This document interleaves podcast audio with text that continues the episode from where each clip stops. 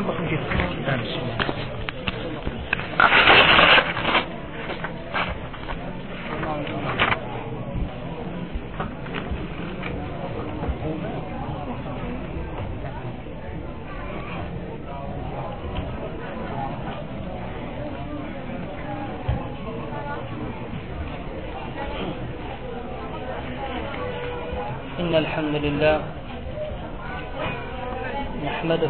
ونستعينه ونستغفره ونعوذ به من شرور أنفسنا ومن سيئات أعمالنا. من يهده الله فلا مضل له ومن يضلل فلا هادي له. وأشهد أن لا إله إلا الله وحده لا شريك له. وأشهد أن محمدا عبده ورسوله. رب اشرح لي صدري ويسر لي أمري. واحلل عقدة من lisani yefqahu qavli. Amma ba'd. İlk olaraq özümə və sizə Allahdan qorxmağı tövsiyə edirəm. Bildiyiniz kimi dərsimiz davam edir, Tövhid dərsidir. Müəllif rəhməhullah babı gətirir və biz keçən dərsimizdə bu baba başladıq, bu fəslə başladıq. Fəsil kim ki tövhidi yerinə yetirərsə, yəni lazımınca yerinə yetirərsə, cənnətə sorğu sualsız və əzab çəkmədən daxil olacaqdır. Sonra müəllif rəhməhullah qeyd elədiyi ayələri zikr elədik və bacardığımız qədər şərh etdik. Sonra müəllif rəhməhullah rəvayət gətirir. Və rəvayət də belədir ki, Hüseyin ibn Abdurrahman təbiindir. Rəhməhullah buyurur ki, Səid ibn Cübeyr rəhməhullahın yanındaydım. Səid ibn Cübeyr soruşdu. Sizlərdən hansınız dünən gecə batan ulduzu görüb? Hüseyin ibn Abdurrahman buyurur ki, mən. Sonra bir müddət keçdikdən sonra təzədən cavab verir ki, ancaq mən namazda deyildim. Məni əqrəb çantmışdı. Səid ibn Cübeyr ondan soruşur ki, bəs neynədin? Yəni, neynədin ki, ağrı səndən getdi? O cavab verir ki, rüqyə elədim. Müəllif rəhməhullah burada bu rəvayəti gətirir ki, rüqyə elədim. Sonra Səid ibn Cübeyr buyurur ki, buna sənə nə vadar elədi? Bunu səni nə vadar elədi? yəni rüqyə eləməyinin səbəbi nə idi? O da buyurur ki, Şəbinin bizə danışdığı hədis. Təzədən Səid ibn Cübeyr rəhməhullah buyurur ki, Şəbi sizə hansı hədisi danışıb? Hüseyin ibn Abdurrahman buyurur ki, biz Burayda İbn Huseyb radiyallahu anhudan eşitdik. O Peyğəmbər sallallahu aleyhi və səlləmin belə rəvayət etdiyini deyir. Peyğəmbər sallallahu buyurur ki, olsunla yalnız bədnəzər, yəni göz dəydikdə və yaxud da ilan əqrəb sancdıqda müalicə et etmək olar. Yəni olsun oxumaq olar. Sonra Səid ibn Cübeyr e, cavab verir ki, qad əhsənə mən intəhə ilə məsəmi eşitdiyinə əməl edən necə də gözəl insandır. Sonra deyir, ancaq biz Abdullah ibn Abbas bizə Peyğəmbər sallallahu aleyhi və sələm bu hədisini danışıb. Peyğəmbər sallallahu aleyhi və sələm buyurdu ki, qiyamət e, mənə deyir, ümmətlər göstərildi. Deyir, mənə ümmətlər göstərildi. Peyğəmbər gördüm, ətrafında 9-a qədər insan var idi. Yəni 9-a qədər insan var idi. Yəni, Peyğəmbər gördüm, yanında bir, Peyğəmbər gördüm, yanında iki nəfər və elə Peyğəmbər var idi ki, ətrafında heç kəs yox idi. Sonra deyir mənə, böyük bir insan kütləsi gö göstərildi, toplum bir insan göstərilir. Elə zən elədim ki, bu mənim ümmətimdir. Mənə deyildi ki, bu Musa və onun ümmətidir. Ondan sonra deyir, ondan da böyük bir insan toplum kütləsi mənə göstərildi və deyildi ki, budur sənin ümmətin və onların içində 70 min nəfər cənnətə əzab görmədən və sorğu-sualsız olaraq daxil olacaqdır. Sonra Peyğəmbər sallallahu aleyhi ve sellem ayağa qalxır və öz evinə daxil olur. İnsanlar, yəni sahabələr onların kim olması barədə fikirlər yürütməyə başlayırlar. Bəziləri deyir ki, onlar o şəxsdir ki, Peyğəmbər sallallahu aleyhi və səlləmin sahabələridir. Və bəziləri deyir ki, yox, onlar o şəxsdir ki, İslamda doğulublar və Allaha heç bir şeyi şərif qoşmayıblar. Bu cürə fikirlər yürütməyə başladılar. Sonra Peyğəmbər sallallahu aleyhi və səlləm onların yanına qayıdır. Yəni evindən çıxır və onların yanına qayıdır. Onlar da bu başlarına gələn bunu Peyğəmbər sallallahu aleyhi və səlləmə danışırlar. Peyğəmbər sallallahu aleyhi və səlləm buyurur ki, onlar o şəxsdir ki, rubiyanı, yəni ovsunu tələb eləməzlər və damğa ilə müalicə eləməzlər. Həmçinin və la yatatayyarun, yəni tatayyur eləməzlər. Tatayyurda qeyd elədik ki, yəni o adətlər ki var ki, İslam'a müxalifdir, süpürgə və isə qaşıq tüstə, bu cürə şeylər. Və sonra da buyurur ki, ən axırda dördüncüsü və rəblərinə təvəkkül edərlər.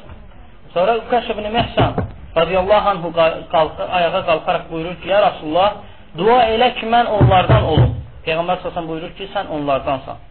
Sonra başqa bir kişi ayağa qalxaraq buyurur ki, ya Rasulullah, mənə də dua elə onlardan olum. Peyğəmbər sallallahu aleyhi və səlləm buyurur ki, Uqaşə səni qabaqladı. Bu rəvayəti danışan Hüseyn ibn Abdurrahmandır və qeyd elədik ki, keçən dərsimizdə təbiindir, siqadır, ondan rəvayət olunan hədislər qəbuldur. O buyurur ki, mən Səid ibn Cübeyrin yanındaydım. Yəni, indi rəvayəti başdan oxuyuruq və şərh eləyirik. Və o buyurur ki, Səid ibn Cübeyrin yanındaydım. Və keçən dərsimizdə Səid ibn Cübeyr barədə biraz ətraflı məlumat verdik, onun ölümü barədə danışdıq. Səid ibn Cübeyr təbiindir, hətta böyük təbiinlərdən biridir. İslam tarixində iz qoymuş insanlardan biridir. Və Səid ibn Cübeyr buyurur ki, dünən axşam batan ulduzu kim görüb? Səid ibn Cübeyr, yəni bu rəvayətdən elə aydın olur ki, oradakı adamlar çox olur. Və Səid ibn Cübeyr onlara bu sualı müraciət edir ki, dünən axşam batan ulduzu kim görüb? Hüseyin ibn Abdurrahman buyurur ki, mən. Mən görmüşəm. Sonra biraz keçdikdən sonra buyurur ki, Əmə inni ləm əkum fis salə. Ancaq mən namazda deyildim. Yəni, mən keçən dərsimizdə gecə namazı barədə danışdım və sələflər gecə namazını tərk eləməzdilər. Gecə namazını tərk eləməzdilər. Hətta gecə namazını tərk eləyənlərə pis baxardılar. Yəni, onlarda gecə namazını tərk eləmək eyib sayılırdı sələflərdə. Ona görə Hüseyin ibn Abdurrahman qeyd edir ki, mən namazda deyildim. Çünki sələflər oyaq qaldıqda hamı bilir ki, artıq o namazda idi. Ona görə qeyd edir ki, mən namazda deyildim. Məni deyir, əqrəb sancmışdı. Bu da ki, baxın, sələflərin ədəbini, əxlaqını göstərir. Yəni, namazda olmaya, olmaya, olmaya qeyd edir ki, mən namazda deyildim. Hətta insanlar elə başa düşməsinlər ki, o namazda idi. Riyanı görün özündən necə uzaqlaşdırır. Eləmədiyi bir şeyi boynuna alır ki, mən eləməmişəm. Yəni, mən namaz qılmırdım, bir ancaq məni əqrəb sancmışdı. Şeyh Hüseymin deyir ki, zahirən görsənir ki, onu əqrəb güclü sancmışdı. Çünki deyir, zəif sancsaydı, o gecənin hansısa bir hissəsini yatardı, amma rəvayətdə elə gəlib ki, yatmır ağrıdan. Bu da zəlalət edir ki, əqrəb onu güclü sancmışdı. Rəvayətdə qeyd olunmur, əqrəb və yaxud ilan sancmışdı, amma əksər alimlər deyir ki, əqrəb sancmışdı. Sonra buyurur ki, Səid ibn Cübeyr, neynədin? Yəni, neynədin ki, yəni sağaldın, özvə qayıtdın, özvə gəldin. Burada müəllif rəhməhullah rəvayəti gətirir ki, o buyurur ki, Hüseyin ibn Abdurrahman buyurur ki, ruqyə elədim. Ancaq əslində Müslimdəki rəvayət daha düzgündür.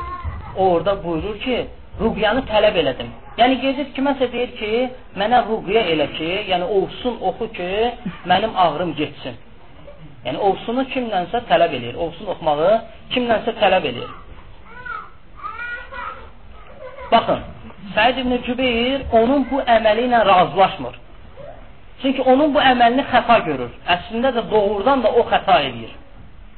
Ruqyanı tələb elədikdə, yəni necə xəta eləyir? şəriətə, şəriətin fəzilətli bir şeyinə müxalif bir hərəkət eləyir. Səid ibn Cübeyr də onun bu əməli ilə razılaşmır. Ancaq baxın sələfin ədəbinə, əxlaqına, onu ilə razılaşmasa belə, onu təhqir eləmir, söymür, acılamır. Əksinə soruşur ki, dəlilin nədir ki, sən belə elədin? O da buyurur ki, Şəbinin bizə danışdığı hədis. Yəni Şəbi onlara hədis danışıb, ona görə deyir ki, Şəbinin bizə danışdığı hədis. Şəbidə Ömər ibn Xattab xəlifə olduğu dövrdə anadan olur. Əsl adı Amirdir, atasının adı da Şurahbildir. Hicrətin 103-cü ilində vəfat eləyir. Yəni, İslam tarixində iz qoymuş böyük alimlərdən biridir Şabi Rahmanullah. Buyurur ki, Hüseyin ibn Abdurrahman, Şabinin bizə danışdığı hədis. Səid ibn Cübeyr ondan təzədən soruşur ki, Səid ibn e, Şabi sizə hansı hədisi danışıb? O da deyir ki, Şabi bizə Bureydə ibn Huseybdən rəvayət edir ki, Peyğəmbər sallallahu aleyhi və sələm deyir, Lə ruqyətə illə min aynin ovhumə. Deyir, olsunla yalnız bədnəzər, yəni gözdəydikdə və yaxud da ilan, əqrəb sancdıqda oxumaq olar. Yəni, Şəb rəhməhullah Bureydə ibn Huseybdən rəvayət edir. O da sahabədir, böyük sahabələrdəndir. Hicrətin 63-cü ilində vəfat edir. O Peyğəmbər sallallahu əleyhi və səlləm rivayet edir. Yəni Peyğəmbər sallallahu eşidib Peyğəmbər sallallahu deyib ki: "La ruqyata illa min aynin aw huma." Olsunla yalnız göz dəydikdə və yaxud da bəz nəzər toxunduqda oxumaq olar. Yəni, bəzi İslam'a mənsub olan insanlar deyirlər ki, göz yoxdur. Ancaq Quran-ı Kərimdə, həmçinin Peyğəmbər sallallahu aleyhi və səlləmin sünnəsində dəlalət olunur ki, həqiqətən göz dəymə var. Çünki Peyğəmbər sallallahu aleyhi və sələm Quranda doludur ayələr. Allah subhanət bu barədə işarələr verir. Həmçinin Peyğəmbər sallallahu aleyhi və sələm hədislərində qeyd edir. Necə ki, Peyğəmbər sallallahu aleyhi buyurur ki, Əksəru mə yəmut min ümməti bə'də qada illəhi və qadarihi minəl-ayn. Bil-ayn. Deyir ki, Allahın qəza və qədərindən sonra ümmətimdən, amma burada ümmət nəzərdə tutmur, yəni insanların əksəriyyəti gözdəymədən öləcəkdir. Hədisi Buxari tarix kitabında, həmçinin Bəzzar Musnəd əsərində rəvayət edib. Yəni Allahın qəza və qədərindən sonra ən çox insanlar gözdəymədən ölür. Həmçinin Peyğəmbər sallallahu əleyhi və səlləm digər bir hədisdə buyurur ki, "Əl-ayni haqqun." Həqiqətən də gözdəymə haqqdır. Əgər qədəri ötən bir şey olsaydı, gözdəymə qədəri ötərdi. Bu da nə gözdəymənin yerini göstərir. Mahiyyətini göstərir. Deyir, əgər bir qədəri ötən bir şey olsaydı, deyir, gö deyir gözdəymə qədəri ötərdi. Sonra Peyğəmbər sallallahu əleyhi və səlləm buyurur ki, "Fəizəstəsəltum fəxsilu." Sizdən kimsə gəlib tələb etsə ki, yuyunun, yəni sizin gözünüz zəif, yuyunun. Çünki gözdəyməni aparan yollardan da biri budur ki, kim gözləyən adam dəstəmat alır və yaxud qüsl alır və həmin suyu verir, göz, kimə ki gözləyib, o çimlikdə həmin o gözləymə gedir. Ona görə Peyğəmbər sosum gəlib buyurur ki, sizlərdən kiməsə gəlib desələr ki, dəstəmaz al və yaxud qüsl elə, qüsl eləyin. Hədisi muslim rəvayət edib. Peyğəmbər sosum digər bir hədisdə buyurur ki, gözdən Allaha sığının, sığının həqiqətən də göz dəymə haqdır. Həkim və İbn Məcə rəvayət edib. Gözdəymə də iki cürdür. Gözdəymə iki cürdür. Ya insanın gözü dəyir, ya da ki, cinin gözü dəyə bilər. Yəni, insanların da gözü bir-birinə dəyə bilər, hətta özünə belə dəyə bilər. Həmçinin də cinlərin gözü dəyə bilər insanlara. Və bunun nəticəsində insan zəifləyir və getdikcə halı pisləşə bilər, mal dövləti əldən gedə bilər, işləri alınmaya bilər. Yəni, bu cür şeylər baş verir. Buna da dəlil odur ki, Peyğəmbər sallallahu aleyhi və sələm hədisində deyir ki, Peyğəmbər sallallahu özü hədisində bəyan, hədisdə bəyan olunur ki, Peyğəmbər sallallahu özü insanların və cinlərin gözündən Allaha sığınırdı. Nə vaxtı ki, deyir Allah subhanətə alə Fələq və Nas surələrini nazil elədi. Ondan sonra Peyğəmbər sallallahu dedi ki, Peyğəmbər sallallahu aleyhi və səlləm onlardan Allaha sığınmağı tərk elədi və bu iki e, bu iki Quran surələrini götürdü. Yəni bu iki Quran surəsi əvəz eləyir onu. Yəni göz dəymədən qoruyur. Həmçinin bayaq qeyd elədiyim kimi insanın özü özünə gözü dəyə bilər. Allah Subhanahu taala Quran-ı Kərimdə bizə bəyan edir Kəf surəsində o insan ki bostanı olur və öz bostanına gözü dəyir. Yəni Allah Subhanahu taala onu bostanını məhv eləyir. Məhv eləməyin səbəblərindən də biri o olur ki, onun özünün gözü öz bostanına dəyir. Ona görə Allah Subhanahu taala hekayənin sonunda deyir ki: "Vələulə iz dəxaltə cənnətəkə qultə mə şə'allah la quvvətə illə billah." Deyir, bostanıma girdiyin zaman denən ki, maşallah, la havlu və la quvvətə illə billah denən, yəni gözün dəyməsin. Həmçinin Peyğəmbər sallallahu aleyhi və səlləm sahabəyə, Amir ibn Rabiyə radiyallahu anhuya buyurur ki, onun gözü Səhl ibn Huneyn radiyallahu anhuya dəyir. Yəni, ayrı bir sahabiyə gözü dəyir. Peyğəmbər sallallahu da Amir ibn Rabiyə buyurur ki, deyir, ona deyir, Bərakallahu aleyk dedimmi? Yəni, Allah sənin malva və yaxud da sənə bərəkət versin dedimmi? Ona görə hər hansı bir müsəlman yaxşı bir şey gördükdə, onun üçün Allahdan bərəkət diləməlidir ki, onun gözü müsəlman qardaşının malına və yaxud özünə dəyməsin. Ona görə Peyğəmbər s.ə.v hədisdə buyurur ki, göz dəydikdə və yaxud da əqrəb, ilan sancdıqda rüqyə oxumaq olar. Yəni, burada rüqyə oxumaq çox şeydə olar. Yəni, hər bir xəstəlikdə rüqyə eləmək olar. Bu sabitdir. Peyğəmbər s.ə.v hədislərindən də sahabələrin əməllərindən də. Hətta İbn Qayyim rəhməhullah buyurur ki, mən 9 il Məkkədə qaldım. Hər dəfə xəstələndikdə özümü zəmzəm suyu ilə bir də ovsunla müalicə edirdim, rüqyə eləyirdim. Yəni bu iki şeylə özünü müalicə edirdi. Bir də hər bir xəstələndiyində də şəfa tapırdım. İki şeylə. Zəmzəm suyu ilə, bir də ki, rüqyə eləməklə.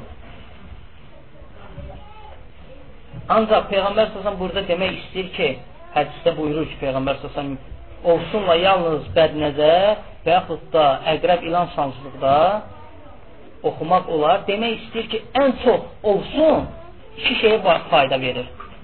Ən çox ovsun iki şeyə fayda verir. O birilərə nisbətən bu iki şeyə ovsun daha çox fayda verir. Gözləyməyə, bir də ki, əqrab ilan sancılıqda daha çox fayda verir. Sonra Şəbi e, Səid ibn Cübeyr rahmehullah buyurur: "Qad ahsana men intaha ila men sami." Eşitdiyinə əməl edən adam necə də gözəl insandır. O bu dəlili gətirdikdən sonra Hüseyn ibn Abdurrahman Səid ibn Cübeyr onunla razılaşmır. Ancaq bu hədis gətirdiyinə görə buyurur ki, "Qad əhsənə mən intəhə ilə məsəmi." Eşitdiyinə əməl edən adam necə də gözəl insandır. Yəni ədəbə baxın, subhanallah, sələflərin ədəbinə baxın. Ona müxalif olur. Onun gətirdiyi dəlillə razılaşmır. Ancaq dəlil gətirdiyi üçün onun dəlilinə ehtiram edir. Və onu tərifləyir, tərif deyir. Sonra isə Səid ibn Cübeyr buyurur ki, ancaq bizə Abdullah ibn Abbas Peyğəmbər sallallahu aleyhi və səlləmdən hədis rəvayət edib. Yəni, bunun əksinə olaraq hədis rəvayət edib. Və həmin hədisidir. Peyğəmbər sallallahu aleyhi və səlləm deyir ki, mənə bir ümmətlər göstərildi. Alimlər ixtilaf eləyib ki, Peyğəmbər sallallahu aleyhi və sələm bu ümmətlər nə vaxt göstərilib? Bəzi alimlər deyir ki, İsrada göstərilib. Yəni Peyğəmbər sallallahu aleyhi İsraya getdikdə göstərilib. Bəzi alimlərin rəyinə görə də ki, Peyğəmbər sallallahu yuxuda görür. Peyğəmbər sallallahu aleyhi və sələm yuxuda görüb. Necə ki, İbn Həcər Fəthül Bəri kitabında 11-ci cilddə 407-ci səhifədə bəyan eləyir ki, Peyğəmbər sallallahu yuxuda göstərilib bu ümmətdə. Həmçinin Hüseymin buyurur ki, bu haqqa daha yaxındır. Yəni həqiqətən də Peyğəmbər sallallahu bunu yuxuda görüb. Peyğəmbər sallallahu aleyhi və səlləmə ümmətlər göstərilib. Peyğəmbər sallallahu buyurur ki, mənə ümmətlər göstərildi. Peyğəmbər gördüm, yanında 9-a qədər adam var idi. Yəni onun dəvətini qəbul edən cəmi 9-a yaxın adam olub. Heç 9 nəfər də olmur. Çünki bu hədisdə rast gəlir. Rast da ki 3-dən 9-a qədər olan bir saydır. Yəni, ətrafında 3-dən 9-a qədər olan müəyyən bir sayda cəmaat olub. Yəni, dəvətini o qədər insan qəbul edib. Və deyir, mənə bir Peyğəmbər göstərildi, yanında iki nəfər var idi. Bəzi alimlər bu hədisə rəvayət edərək deyir ki, yəni bir nəfər qəbul edilmişdi. Biri özü olur, biri də o. Yəni, və yaxud da bəzi alimlər dedi, yox, özündən başqa iki nəfər olur. yəni, dəvətini qəbul edən iki və yaxud bir nəfər olub. Sonra Peyğəmbər salsan buyurur ki, və Peyğəmbər var idi, ətrafında heç kəs yox idi. Peyğəmbər var idi, ətrafında heç kəs yox idi. Yəni Peyğəmbər gəldi, onun dəvətini qəbul edən heç kəs yox idi. Yəni Peyğəmbər də dəvət eləyib, ancaq onun dəvətini qəbul edən heç kəs olmayıb. Bu həm Peyğəmbər sallallahu aleyhi və səlləm üçün təsəlli idi. Peyğəmbər sallallahu əleyhi və səlləm çətin günlərində onun dəvətini qəbul edənlər nisbətən az idi. Ancaq Allah Subhanahu ona bəyan eləyir ki, səndən də az. Hətta elə peyğəmbərlər olur ki, bir nəfər olsun belə qəbul eləməyib. Həmsinin də bu da Peyğəmbər sallallahu aleyhi ve sellem fəzilətinə dəlalət edir ki, bax, sənin ətrafındakılar hamıdan çox idi. Peyğəmbər sallallahu fəzilətini bildirib və onun ümmətinin fəzilətini bildirib. Və bu o demək deyil ki, o peyğəmbərlər ki, yanında az adam var idi, dəvətdə naqislik ediblər. Zəif dəvət ediblər. Bacarmayıblar. Yox. Sadəcə olaraq dəvətlərini qəbul edən az adam olub. Onlar var gücü ilə dəvət ediblər. Belə bir sual ortaya çıxır ki, Allah Subhanahu taala hər şeyi qabaqcadan bilirdi. Və bilirdi ki, o peyğəmbəri göndərəndə onun dəvətini heç kəs qəbul eləməyəcək. Yəni ona heç kəs iman gətirməyəcək. Bəs nəyə görə o peyğəmbəri göndərirdi? Bəs nəyə görə o peyğəmbəri göndərirdi? Cavabı da budur ki, yəni Allah Subhanahu o peyğəmbərləri göndərirdi ki, həmin insanlar qiyamət günü deməsinlər ki, bizə haqq çatmadı. Allah Subhanahu onları haqqı çatdırmaq üçün göndərirdi, sonra isə qəbul eləmədiklərinə görə onları cəhənnəm əhlindən edirdi. Sonra peyğəmbər sallallahu aleyhi və səlləm buyurur ki, mənə böyük bir toplum göstərildi, insan kütləsi göstərildi və elə zənn elədim ki, bu mənim ümmətimdir. Peyğəmbər sallallahu aleyhi və səlləm niyə görə belə zənn eləyir? Çünki Peyğəmbər sallallahu aleyhi və səlləm o peyğəmbərləri görür ki, peyğəmbərlərin cəmatı azdır, sonra böyük bir toplum görəndə bilir ki, bu onun ümmətidir. Və ona deyirlər ki, bu Musa və onun qövmüdür. Yəni, bu Musanın ümmətidir. Bu da ki, Musa əleyhissalamın fəzilətini bildirir fəzilətini bildirir ki, Musa əleyhissalamın qovmu da o biri qovmlərə nisbətən çox idi. Ancaq bizim ümmətimiz isə onların ümmətindən də qat-qat üstün və qat-qat çox idi. Sonra Peyğəmbər sallallahu aleyhi və səlləm buyurur ki, baxdım, ondan da böyük insan kütləsi toplumu mənə göstərildi və mənə deyildi ki, budur sənin ümmətin. Bu sənin ümmətindir. Və onların içində 70 min insan cənnətə əzab görmədən və sorğu sualsız cənnətə daxil olacaqdır. Nə əzab görəcəklər, nə də ki, qiyamət günü sorğu sual olunmayacaqlar. Birbaşa cənnətə daxil olacaqlar. Birbaşa cənnətə daxil olacaqlar. Bu hədis əzəmətli hədislərdəndir. İbn Teymiyyə rəhməhullah buyurur ki, bu bizim ümmətin həm keyfiyyət cəhətdən, həm də kəmiyyət cəhətdən üstün olmasına dəlalət edir. O biri ümmətlərdən üstün olmasına dəlalət edir. Kəmiyyət cəhətdən bu hədis görsənir ki, ən çox bizim ümmətimizdir. İslam ümməti o biri ümmətlərə nisbətən çoxdur. Hətta onların içində ən çox olan Musa Peyğəmbərin qovmündən qat-qat çoxdur bizim ümmət. Həm də kəmiyyət, e, keyfiyyət cəhətdən göstərir ki, 70 min nəfər bizim ümmətin içində cənnətə sorğu sualsız əzab görmədən daxil olacaqdır. Allah Taaladan istəyirəm ki, bizi də o şəxslərdən eləsin. Amin. Şeyx İbn Teymiyyə həmçinin Şeyx Hüseymin buyurur ki, onlar qəbirdə belə əzab görməyəcəklər. Qiyamət gündə əzab görməyəcəklər Allah subhanətələrin kəramətidir ki, onlar cənnətə birbaşa sorğu sualsız daxil olacaqdır. daxil olacaqdır. Əbu Hüreyrədən belə bir hədis gəlir. Peyğəmbər sallallahu aleyhi ve sellem buyurur ki, Rəbbimdən istədim ki, hər bir 70 e, min nəfərdən olan hər biri də, hər bir nəfər də özü ilə bərabər 70 min nəfəri də özü ilə cənnətə aparsın. Yəni onların sayı 70 min yox. Hər o 70 minin içində olan bir nəfərlər ki, yoxdur. Hər birinin yanında da 70 min özü ilə aparsın. Yəni şəfaət edər 70 min də özü ilə sorğu sualsız cənnətə daxil eləsin. Allah Subhanahu taala onun bu duasını qəbul edir. Hədisi Əhməd və Beyhəqqi rivayet edir. Düzdür. Yəni Şeyx Albani buyurur ki, hədis ayrı-ayrı yollarla səhih dərəcəsində satır. Yəni, hədis səhihdir. Ancaq bəzi alimlər də bu hədisin zəif olmasını bəyan ediblər. Yəni hədis biraz ixtilaflıdır. Bu ikinci hədis. Əgər hədis səhihdirsə, demək onların sayı 70 min yox, hər 70 min nəfər də özü ilə 70 min nəfər götürəcək. Onların sayı çoxdur. Yox, əgər hədis səhihdirsə, onların sayı 70 min olacaq. 70 min olacaq. Yəni hədisin bəyan dediyim kimi səhih və zəif olmasında alimlər ixtilaf edib. Böyük alimlər ixtilaf elədiyinə görə biraz yəni geniş danışmaq istəmirəm. Çünki Şeyx Albani böyük alimlərdən özünüz bilirsiniz hədis alimini səhihləşdirib. Nə qədər də alim hədisi zəif görüb. Ona görə doğrusunu Allah Subhanahu daha yaxşı bilir.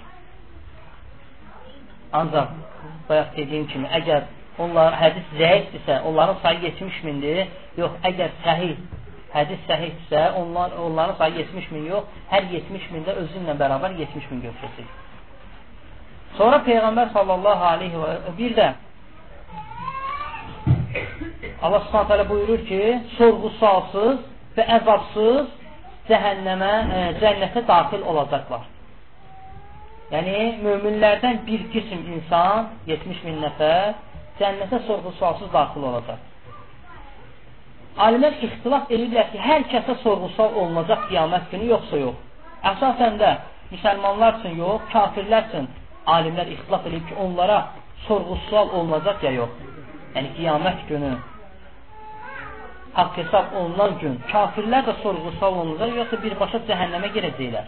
Yəni bu barədə alimlər ixtilaf edirlər. Bəzi alimlərin rəyinə görə onlar da hər bir insanlar kimi sorğu-sual olunacaqlar. Bəzi alimlərin də rəyinə görə yox.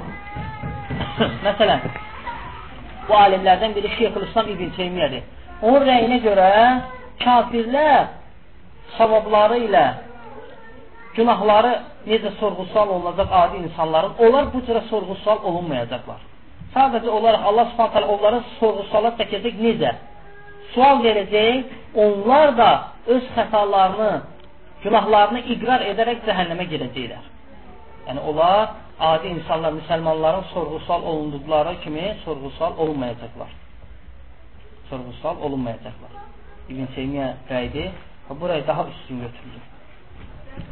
Nəyə görə? Çünki kafirlərin savabları yoxdur. Kafirlərin heç bir savabı yoxdur. Allah Subhanahu taala onların əməllərini qəbul etmədiklərinə görə onların heç bir savabı yoxdur. Onların gördükləri yaxşı işlərin əvəzini bu dünyada ikən verir. Və onlar həmin o yaxşı işlərin əvəzini artıq bu dünyada ikən alıblar. Qiyamət günü isə onların heç bir payı olmayacaq. Ona görə İbn Teymiyyə buyurur ki, onlar yəni savab işləri olmadığı üçün sorğusal olunmayacaqlar. Xəta sor soruşulacaqlar, xətalarını iqrar edib cəhənnəmə daxil olacaqlar. Çünki onların etdikləri hər yaxşı əməl qəbul olunmur. Buradakı Allah Subhanahu taala Quran-ı Kərimdə Tövbə surəsində buyurur. Buyurur ki: "Və mə mənəhum an tuqbala minhum nafaqatuhum illə ennehum kafaru billahi və bi rasulih." Buyurur ki, onların sədəqə ver, sədəqə verirlər. Onların sədəqələrinin qəbul olmamağının səbəbi, yəni Allah Subhanahu onların sədəqələrinin qəbul etməmələrinin səbəbi onların Allaha və axirət gününə inanmamasıdır axirət gününə və Allaha inanmadıqlarına görə Allah Subhanahu onların yaxşı əməllərini qəbul eləmir. Şeyx Hüseymin rahimehullah buyurur ki, baxın, Allah Subhanahu deyir bu ayədə sədaqəni misal çəkir. Yəni onların yaxşı əməllərini misal çəkmir, sədaqələrini misal çəkir. Nəyə görə deyir sədaqəni misal çəkir? Çünki sədaqə elə bir şeydir ki, onun faydasını kasıblar görür. Yəni o özü görmür onun xeyrini. Onun xeyrini kasıb insanlar görür. Ona baxmayaraq deyinə, bu yaxşı əməli ən yaxşı əməllərdəndir. Allah subhanə deyir, onlardan qəbul eləmir. Əməllərini yax qəbul eləmir. Sadəcə olaraq o etdiklərinə görə onların əməllərini, savab işlərini, e, savab yox, yəni yaxşı işlərini bu dünyada ikən ödəyir. Çünki kafirin savab işi ola bilməz. adi kafir bu dünyada ikən halal yesə belə o ona günah kimi, haram kimi yazılır. Yəni, adicə çörək yesə, çörək halaldır. Ona günah kimi yazılır. Buna da ki, iki dənə ayə var Quran-ı kərimdə subut edir ki, kafirlərin yediyi hər bir şey onlara haram yazılır. Biri Ənam surəsində olan ayədir. Allah subhanətə halal şeyləri sayır. Sonra ayənin axırında buyurur ki, Qul hiyə lilləzinə əmənu. Denən ki, onlar halaldır, ancaq Allaha iman gətirən şəxslər üçün. Ayəni bilməm, yəni, özümdən bilməm. İkinci bir ayədə Allah subhanətə alə, səhv eləmirəmsə, Məidə surəsindədir bu ayə. Buyurur ki, Leysə aləl-ləzinə əmənu və amilus salihəti günahun fīmə qaim. İman gətirib, salih iş görənlərin yediklərinə görə günah yoxdur. Yəni, ayədən necə başa düşülür? Əgər iman gətirənlər yediklərinə görə günah qazanmırlarsa, kafirlər yediklərinə görə günah qazanmır. Bu ayə əsasən onların hər bir hərəkətləri, hər bir yaxşı iş, yəni yedikləri hər bir yaxşı yeməksə, halal yeməksə, onlara günah kimi yazılır. Hətta Şeyh Hüseynin buyurur ki, balaca çörək parçasını ağzına qoyduğuna və qoyduğuna görə də ona günah yazılır. Yəni Allah Subhanahu halal nemətləri ona iman gətirənlər üçün halal yaradıb. Ancaq halal nemətləri ona iman gətirməyənlər üçün haram olaraq yaradıb. Ona görə onların heç bir yaxşı işləri yoxdur. E, savab işləri yoxdur. Yaxşı iş görürlər, Allah Subhanahu onların müqabilində bu dünyada ikən əvəzini verir. Qiyamətdə ikən onların heç bir payı yoxdur. Və sorğusal olunanda xətalarını idrar edərək cəhənnəmə daxil olacaqlar. Sonra Peyğəmbər salsın buyurur ki, 70 min nəfər cənnətə əzab görmədən və sorğu sualsız daxil olacaqdır. Bu da o 70 min nəfər üçün kəramətdir. Allah subhanət onlara bu böyük neməti bəxş eləyir. Onlar əzab, e, cənnətə əzab görmədən, həmçinin sorğu sual olunmadan daxil olacaqlar. Peyğəmbər sallallahu aleyhi və sələm bu sözü deyir, sonra ayağa qalxır və evinə daxil olur. Orada olan insanlar onların kim olması barədə fikirlər yürütməyə başlayırlar. Orada olan insanlar da sahabələr olur.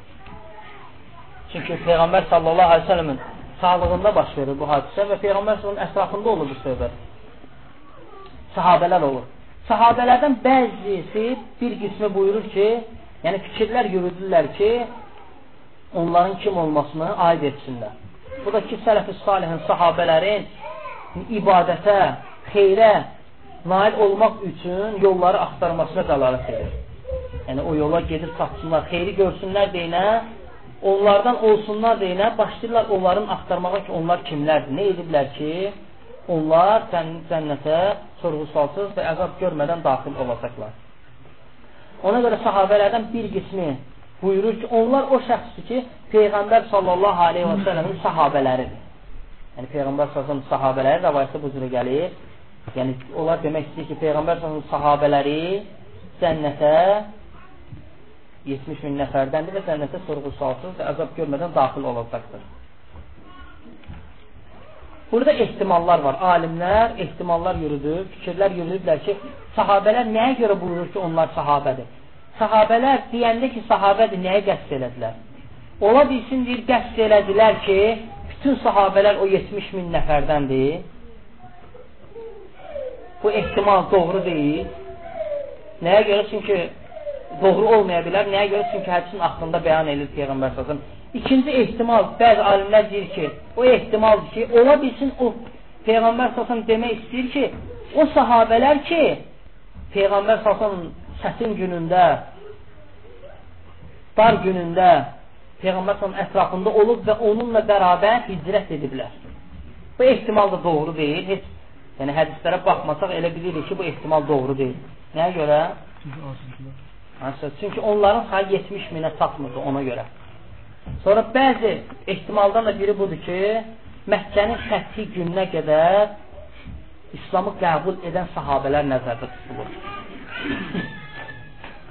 Məkkənin fəthi gününə qədər İslamı qəbul edən sahabələr nəzərdə tutulur. Nəyə görə Məkkənin fəthi gününə qədər? Çünki Məkkə fəth olunduqdan sonra insanlar dəstə-dəstə artıq çətinlik görməyərək İslam dininə girməyə başladılar. Yəni, Məkkə fəth olunandan sonra İslama girən sahabələrin fəziləti Məkkə fəth olunmazdan öncə İslam'a girən sahabələrin fəziləti qədər deyil. Çünki sahabələr də fəzilətlərinə görə mərtəbələrə bölünürlər. Alimlər mərtəbələrə bölürlər. Birinci mərtəbə odur ki, dörd xəlifədir. Ən üstün sahabələrin ən üstün dərəcəsi, ən üstün mərtəbəsi o dörd dənə sahabədir. Hansı ki, xəlifə olub Əbu Bakır radiyallahu anhu, Ömər, Osman, Əli radiyallahu anhu. Bu dördüdür. Yəni, Raşidi xəlifə adlanır. Bunlar dördü sahabələrin ən üstün dərəcələrindədir. Yəni, sahabələrin ən üstünü, birinci mərtəbədə olan sahabələr bu dörd nəfərdir. İkinci dərəcədə olan sahabələr o 10 nəfər sahabədir. Hansı ki, Peyğəmbər sallallahu bir məclisdə heç bir səbəb olmadan sahabə 10 dənə sahabəni cənnətlə müjdələyir. Bir filan kəs cənnətlidir, filan kəs cənnətlidir, filan kəs bu cürə. Cənnətlə müjdələnən sahabələr çoxdur. Əksinə demək olar ki, ümumilikdə hamısı cənnətlə müjdələnib sahabələrin. Ancaq əksər sahabələr görürsən ki, hansısa bir əməlinin müqabilində cənnətlə müjdələnib. Peyğəmbər məsələn buyurur ki, filan şey eləyənə cənnət var. Sahabə gelir filan şey eləyir, bilinir ki, filan sahabə cənnətlidir. Ancaq Peyğəmbər səsən bu 10 dənə sahabəyə heç bir səbəb olmadan bir məclisdə ikən buyurur ki, cənnətlidir, filan kəs filan cənnətlidir, filan kəs cənnətlidir. Hamısını bu cürə ləfslə buyurur. Ona görə alimlər deyir ki, sahabələrin üstünlüyü dərəcəsində birinci o dörd nəfərdir, ikinci isə bu on nəfərdir. Və sonra alimlər biraz ixtilaf ediblər ki, üçüncüsü deyir ki, bəs Bədir döyüşündə iştirak edənlərdir, sonra Məkkənin fəthini görənlərdir, ondan sonra da ki, beşinci umumilikdə olan sahabələrdir və bu tərtibdə biraz ixtilaflar var, bəzi deyir, yox, Aqabə beyətində iştirak edənlər sonra Bədir, Uhudda iştirak edənlər sonra Məkkənin fəthi, sonra isə ondan sonra İslam'a girən sahabələr. Yəni, dərəcələrdə bundan sonra biraz ixtilaf edirlər. Əsas odur ki, Məkkənin fəthindən sonra İslamı qəbul edən sahabələr Məkkə fəth olunmazdan öncə İslamı qəbul edən sahabələr kimi fəzilətdə eyni deyil. Ona görə buyulur, e, ehtimallardan da biri budur ki, yəni burada deyəndə ki, Peyğəmbər səsəm o hədisdə ki, qeyd olunur, sahabələr deyir ki, onlar o şəxs ki, Peyğəmbər sahabələridir, yəni Peyğəmbər dostlarıdır, yaxınlar, yaxınlar, yaxınlardır, sirdaşlarıdır demək istəyirlər. Onlar, yəni ehtimallardan da üçüncüsü budur ki, o sahabələr ki, Məkkə fəth olunmazdan öncə İslam'a giriblər. Ancaq onlar, doğrusu onlar nə qəsd etdiyini Allah subhanətələ bilir.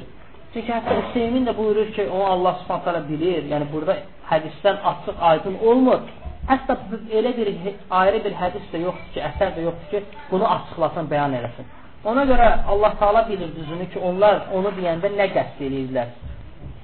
Yəni sah sahabelər buyurur ki, onlar o şəxsdir ki, Peyğəmbər sahabelərdir və buyurduq, buyurduq ki, nə qəsd eləyirlər, onu Allah taala bilir. Və o sahabelərdən də bəziləri buyurur ki, onlar o şəxsdir ki, İslamda boğulublar və Allah Taala'ya heç bir şeyi şərik qoşmayıblar. Sahabələr nəyə görə bu sözü dedi? Çünki sahabələrin əksəriyyəti İslamdan ön öncə müşrik olub. Allaha şərik qoşublar. Ona görə buyururlar ki, ola bilsin onlar o şəxslərdir ki, İslam ailəsində dünyaya göz atıblar və ölənə qədər də Allaha heç bir şey şərik qoşmayıblar.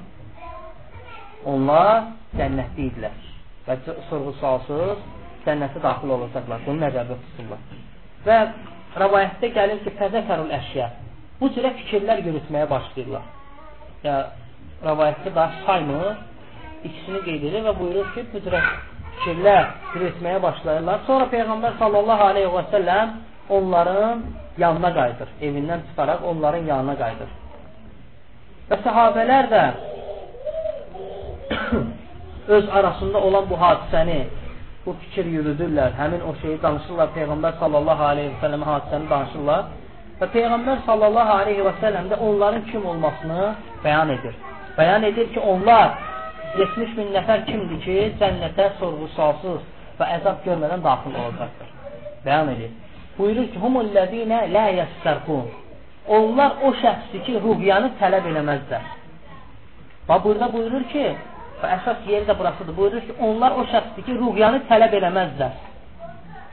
Demək, Hüseyin ibn Abdurrahman onu əqrəb sancanda ruhyanı tələb eləyir. ovçunu tələb eləyir ki, ona bu sözü deyir. Aydın oldu? Çünki əgər rəvayətdə ki, qeyd olunur, bu müəllif gətirdiyi rəvayətdə ki, ruqi eləyir, ruqi eləyirsə bu sözü deməzdi. Yəni, demək, Hüseyin ibn Abdurrahman onu əqrəb sancanda ruqyanı tələb eləyir. Müslimdəki rəvayət düzdürdür. Ruqyanı tələb elədiyinə görə Peyğəmbər sallallahu bu hədisin gətirir ki, Peyğəmbər sallallahu buyurur ki, "Humullezine la yastarqun." Ruqya eləməzlər. Aydındır? Çünki ruqya eləmək dində varid olur. Çünki Peyğəmbər sallallahu xəstələndikdə Cəbrail əleyhissalam gəlirdi və Peyğəmbər sallallahu aleyhi və səlləmə ruqya eləyirdi. Necə ki, hədis muslimdə gəlir. Peyğəmbər sallallahu xəstələndikdə gələrək ona ruqya eləyirdi. Həmçinin Ayşə radiyallahu anh Peyğəmbər sallallahu xəstələndikdə ona ruqya eləyirdi. Ruqya eləmək caizdir. Eləcə də sahabilər ruqya eləyirdilər. Ancaq ruqyanı tələb eləmək olar. O da olar. Ancaq ki, ruqyanı tələb edən şəxs o 70 min nəfərdən olmayacaq. 70 min nəfərdən olmayacaq. O 70 min nəfər cənnətə əzab görmədən sorğu-sualsız olaraq girəcək. Onların sifətlərindən də biri budur ki, ruqyanı tələb eləməyiblər. Xəstələndikdə gedib kiməsə deməyiblər ki, mənim üçün ruqya elə, mənə ruqya elə. Aydındır? Ona görə də bəzi alimlər hətta duanı belə buna daxil edirlər. Gedib kimisə deməyəsən ki, mənə dua elə. Düzdür, bu biraz qaranlıq qalan məsələlərdəndir. Əksər alimlər icazə verir kiməsə gedib deyəsən ki, mənim üçün dua elə. Ancaq təvəkkülə ziddir. Bu da ruqyə kimi təvəkkülə zid olduğu üçün alimlər deyir ki, kimsə gedib kiməsə deyirsə ki, mənim üçün dua elə, onlar da bunlardan olmayacaq. Ona görə hər ehtimala qarşı çəkinmək daha əfsəldir. İxtilaflı məsələdir, ancaq çəkinmək daha əfsəldir ki, Allah subhanətə alə onlardan eləsin. O 70 min nəfərdən olasan deyinə, o yolların hamısından çəkinmək lazımdır. Hansı ki, o yollar ki, bu 70 min nəfəri nəfərdən uzaqlaşdırır, o yolların hamısından çəkinmək lazımdır. Hətta ehtimal olsa belə çəkinmək lazımdır. Ona görə rüqyanı gedib kiməsə demək olmaz ki, mənə ruqya elə, mənə olsun oxu, ki, sağalım. Yəni, bəyənilmir.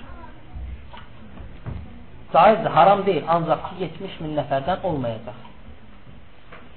Sonra Peyğəmbər səsən buyurur ki, ruqyanı tələb eləməzlər və həmçinin damğa bastırmazlar. Yəni, görürsən, bir insan qorxduqda elədikdə onu pısıldağa aparırlar ə, odla müalicə eləyirlər və ondan qorxunu aparırlar. Yəni bizdə məşhur idi çıldaq belə şeylər. Yəni Peyğəmbər sallallahu buyurur ki, damğa bastırmazlar. Bu əməl haram deyil. Haram deyil. Yəni bastırmaq olar, yəni e, qorxunu aparmaq üçün odla müalicə eləmək olar. Ancaq ki, bu da bəyənilmir. Nəyə görə bəyənilmir? Çünki 70 min nəfərdən olmayacaq o insan. 70 min nəfərdən olmayacaq o insan. İkinci sifətlərindən də budur ki, damğa ilə müalicəni almazlar, damğa ilə müalicə etdirməzlər. Üçüncü də odur ki, üçüncü sifətləri də odur ki, وَلَا يَتَطَيَّرُونَ Tatayyur eləməzlər. Yəni, o fal ki, e, var ki, bizim adət ənənələrimizdendir. Həmçinin görsənir ki, müşriklərin də adət ənənələrindən idi o. Məsələn, deyir, qaşıq düşdü, filan kəs qonaq gələcək, vilka düşdü, belə olacaq. Axşam vaxtı dırnaq kəsmə, süpürgə ilə süpürmə, eləmə. Bu cür şeylərin hamısı ziddir olmaz. Ümumiyyətlə bunu eləmək olmaz. Bu da ərəb dilində quş sözündən götürülüb. Tatayur quş sözündən götürülüb. Nəyə görə? Çünki ərəblər İslamdan öncə yəni quş saxlamaq ilə məşhur idilər. Ərəblərin əksəriyyəti quşçuluqla məşğul idi, quş saxlayırdılar. Onlar əsasən səfərə çıxdıqda və yaxud da hər hansı bir işi görmək istədikdə quşu uçurdardılar, qovardılar yəni. Quş əgər sağ tərəfə uçarsa, o işi görərdilər. Və yaxud da səfərə çıxardılar. Yox, əgər sol tərəfə uçarsa, onda həmin günü səfərə çıxmazlar və yaxud o işi eləməzlər. İstixarə kimi. Və bu şəriətə olan, müxalif olan bir şeydir şəriətə müxalif olan bir şeydir. Yəni quşu uçurdurdular, onun vasitəsilə, yəni onun xeyirli və yaxud ziyan olduğunu bilirdilər. Necə ki, indiki bizdə eləyirlər. Qara pişik keçdi, qayıt getməyinə və həmin o cür adətlər. Peyğəmbər səsən buyurur ki, tatayyur eləməzlər. Yəni, həmin o cür hərəkətləri, o cür İslama müxalif olan hərəkətləri eləməzlər. Necə dediyim kimi, ərəblər quşçuluq ilə mə məşhur idi. Onlar çoxlu quş saxlayardılar. Şəriət gəldikdən sonra onun, onların bu əməlinin batil olmasını bəyan elədi. Sonra Peyğəmbər sallallahu aleyhi ve sellem dördüncü sifəti buyurur o insanların deyir, və alə rabbihim yətəvəkkəlun və Rəblərinə təvəkkül edərlər. Əsas səbəb də budur. Rəblərinə tam olaraq təvəkkül edərlər. Yəni, Peyğəmbər səsən bu hədisdə ki buyurur, deyir, onlar o şəxs ki, ruhyanı tələb eləməzlər. Həmçinin damğa bastırmazlar iki, üçüncü tatayyur eləməzlər, dördüncü də buyurur ki, və alə Rabbihim yetəvəkkəlin və Rəblərinə təvəkkül edərlər. Bu üç şey inkar eləyir, dördüncüsünü isə təsdiq edir. Əslində bu üç şey özü özlüyündə təvəkkülə ziddir. Kimə, kimsə gedib desə ki, mənə rubyə elə, mənə olsun oxu ki, sağalım, bu təvəkkülə ziddir. Çünki müsəlman tam olaraq Rəbbinə təvəkkül eləməlidir. Və cənnətə daxil olan 70 min nəfərin sifətlərindən də odur ki, tam olaraq Rəbbinə təvəkkül edirlər. Yəni, təvəkkülün ən üstün dərəcəsini yerinə yetirmiş olurlar. Ona görə bəzi Görürsən, sələflər xəstələndikdə belə, xəstələndikdə belə həkim çağırmayıblar. Ki, təvəkkülə zidd ola bilər. Necə ki, Abu Bakır, İslamın ilk xəlifəsi, cənnətlə müjdələnən, Peyğəmbər səsəm daimə yanında olan demək olar ki, sahabələrin ən əfsəli olan Abu Bakır radiyallahu anhu xəstələndikdə həkim çağırırlar, həkimi qəbul eləmir. Yəni, bəzi alimlər ona görə deyir. Ancaq həkim məsələsini, yəni bəzi əksər alimlər buna daxil eləmir. Yəni, dərmanla müalicə məsələsini əksər alimlər buna daxil eləmir. Dərmanla müalicə almaq olar. Yəni, o şey ki, tib yolu ilə və yaxud da ə, təcrübə yolu ilə sabit, ə, tib yolu ilə və yaxud da dinin yolu ilə varid olub, sabit olub, o şeylərdən müalicə almaqda problem yoxdur.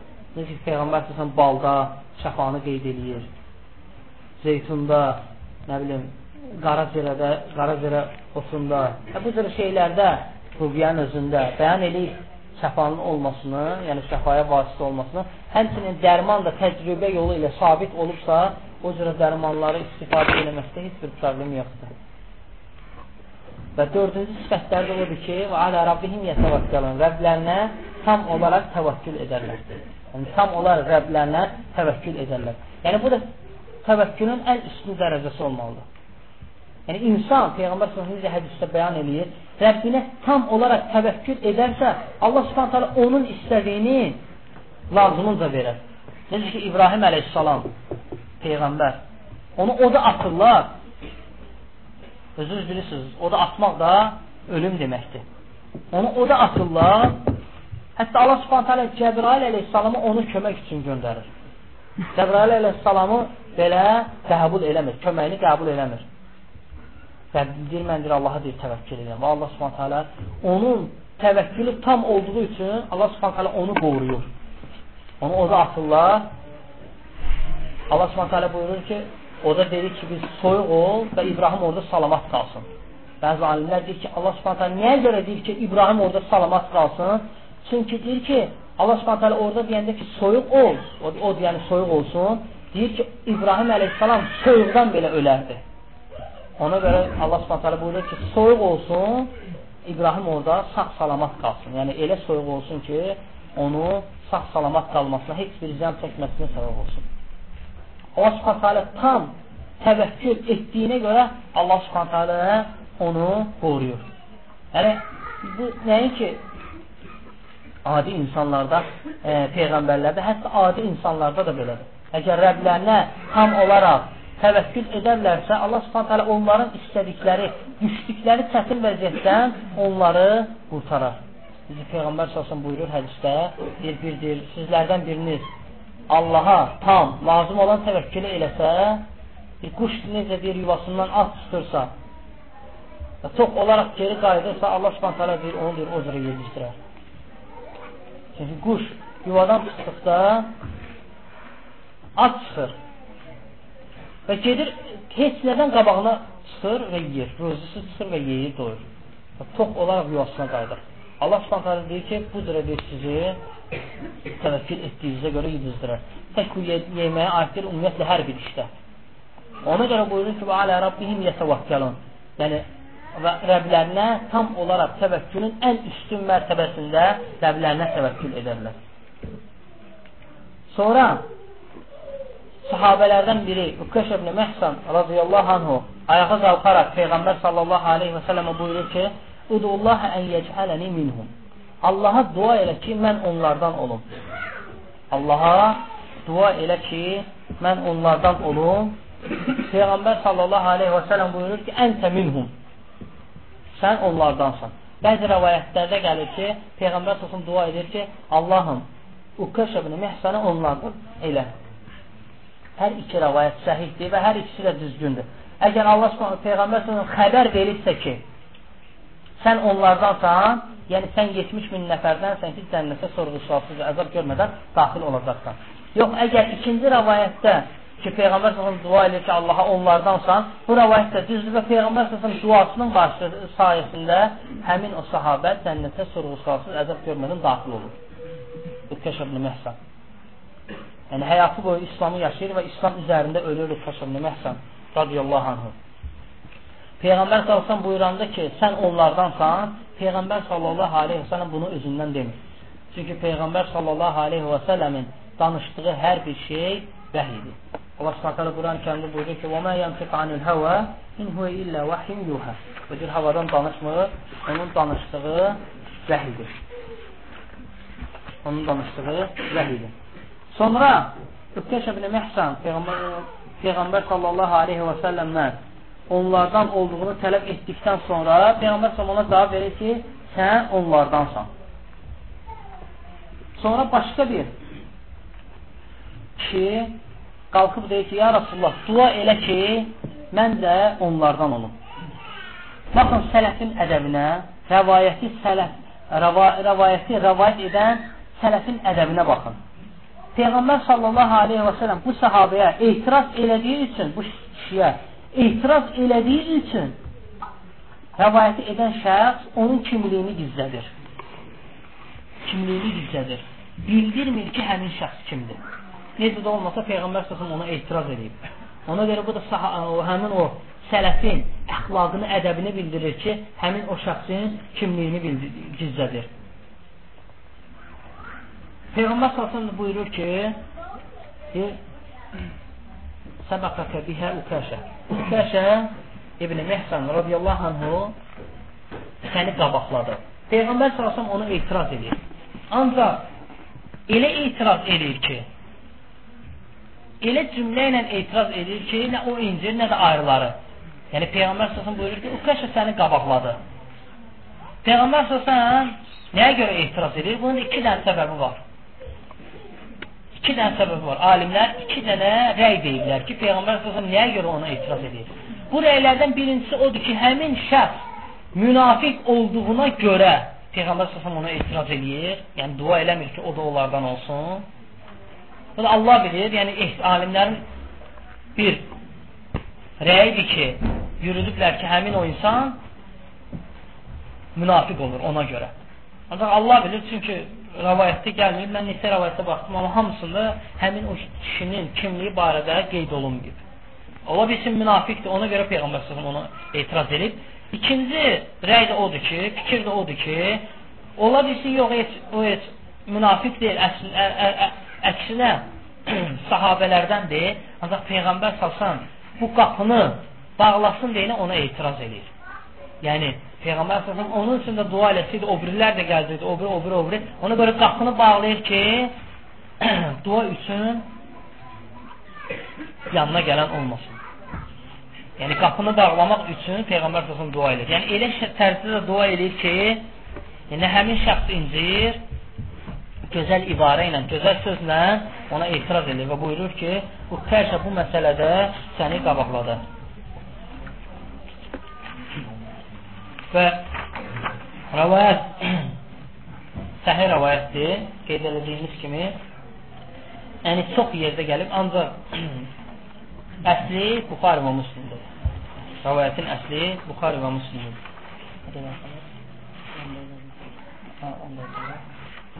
Bu babı da bu fəsli bitirdik Allahın izni ilə. İnşallah gələn dərsimizdə yeni fəslə baba daxil olacaq. Sallallahu aleyhi ve sellem. Thank